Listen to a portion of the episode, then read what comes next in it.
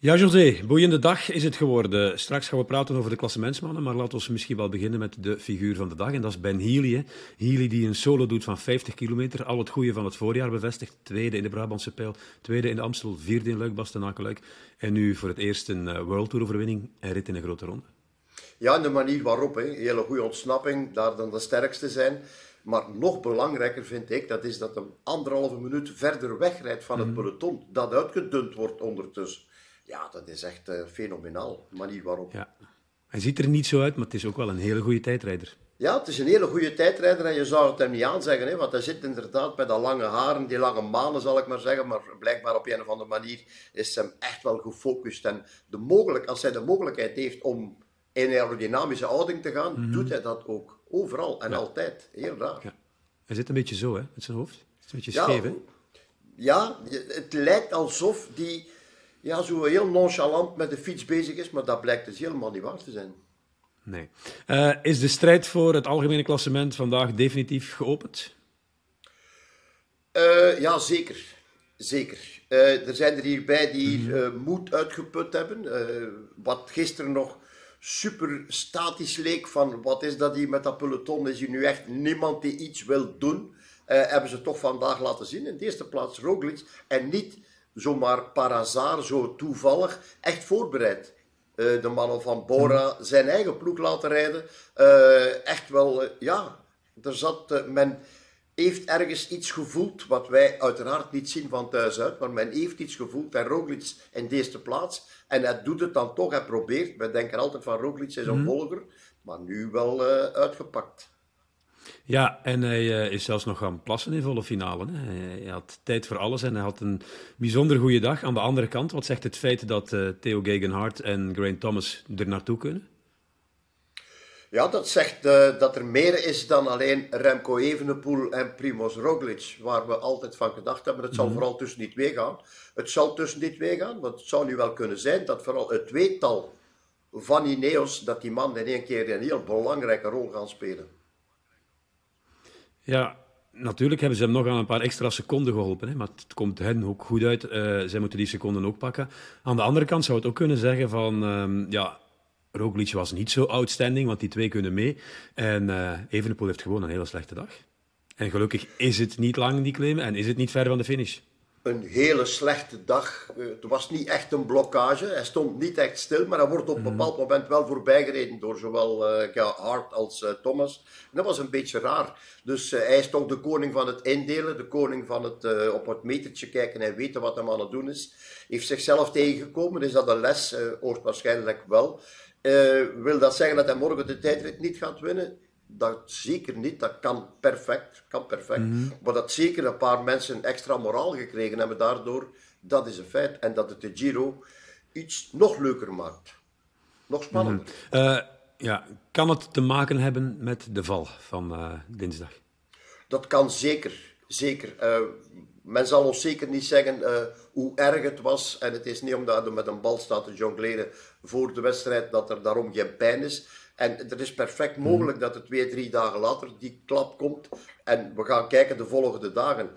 Maar met of zonder val, eigenlijk verandert er niks. Ik bedoel, dit is een grote ronde van drie weken.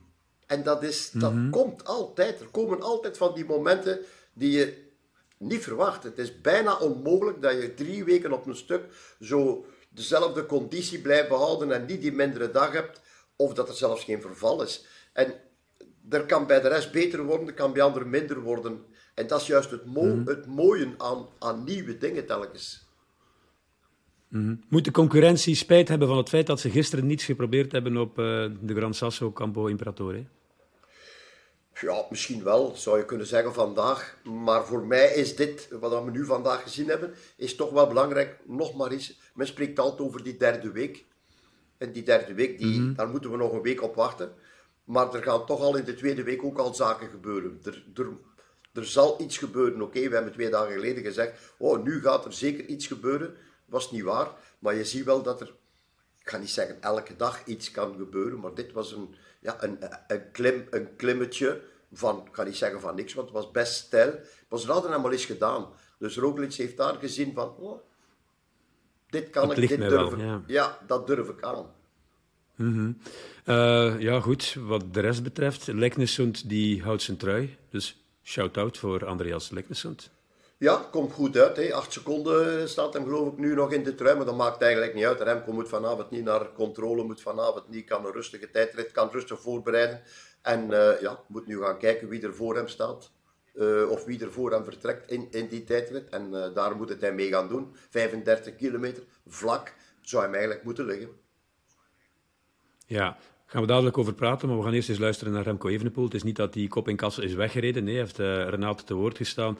heeft hem onder meer uh, ja, kunnen interviewen, vrij lang kunnen interviewen. Dus gaan we eens naar uh, onze man ter plekke, naar Renato dag 8 van de 106e ronde van Italië. En de Giro is vandaag echt begonnen, want Roglic is uit zijn schulp gekropen. En die 14 seconden, dat lijkt op papier weinig, maar dat is wel een mentaal tikje voor Evenepoel. Evenepoel die wel meteen na de streep een zeer interessante analyse gaf. En die zei dat uh, het feit dat uh, Roglic hem op die klim, op die manier achterlaat, dat dat te maken heeft met het, het simpele gegeven. Roglic is de wereldtop, de absolute wereldtop op die beklimmingen om en bij de 5, 6 minuten. Daarvan hebben vandaag de illustratie gezien. Het belooft voor het vervolg van deze ronde van Italië. 30 seconden is het verschil nu. Geen man overboord. Ook niet uh, op het morele front bij Remco Evenepoel. Alles kan nog in deze ronde van Italië. Hoe moeten we die 14 seconden tijdverlies inschatten? Uh, ja. Natuurlijk niet met een beste dag. Uh, anders zou ik Roglic wel kunnen volgen. Maar het, leek er, allez, het leek er naar uit te zien dat we echt goed voelen. Want hij zit niet zomaar zijn ploeg op kop. Dus hij wilde iedereen onder druk zetten vandaag en dat is goed gelukt. Behalve Gagan, Hart en Thomas. Uh, maar Thomas zakt, eigenlijk wat dat Thomas deed, had ik beter ook gedaan. Uh, eigen tempo tot boven, want uh, ik spring naar het wiel van Roglic op een meter of 7, 800 van de meet. En we draaien linksop, nog met 400 te gaan en dan werd het wat steiler. En dan liepen mijn benen gewoon helemaal vol.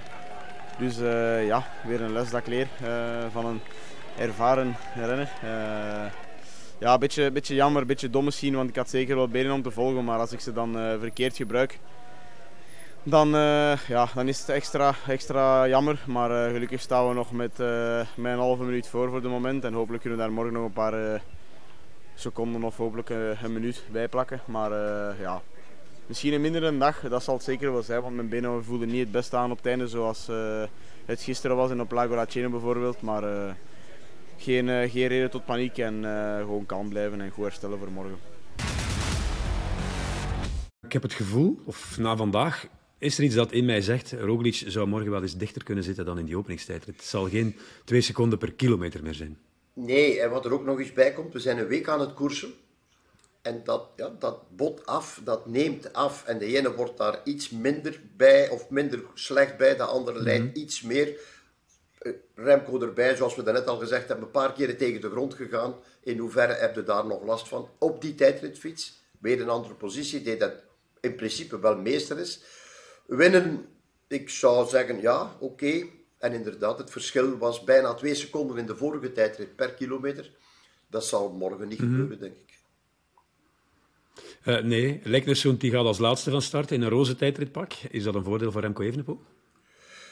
Uh, ja, maar hij, hij, gaat hier niet strijden tegen, uh, tegen Leknusson, maar inderdaad, hij kan met zijn eigen tijdritpak op maat rijden. En dat is natuurlijk mm. wel belangrijk. Want Daarop doe ik, ja. Ja, ja mm. ze gaan natuurlijk, ja, dat tijdritpak is gemaakt, dat is al lang getest in Winterels, een beetje lengte. Hij heeft dat uh, ingekort, zoals hij de vorige keer ook gedaan heeft, beenlengte een beetje verkort. Uh, dus ja, dat moet in principe een voordeel betekenen. Dat wordt dan uitgerekend, maar het zullen vooral de benen zijn die het moeten doen. Oké. Geniet van je zaterdagavond. We zien elkaar morgen terug. Arrivederci, capo. A domani. Ciao.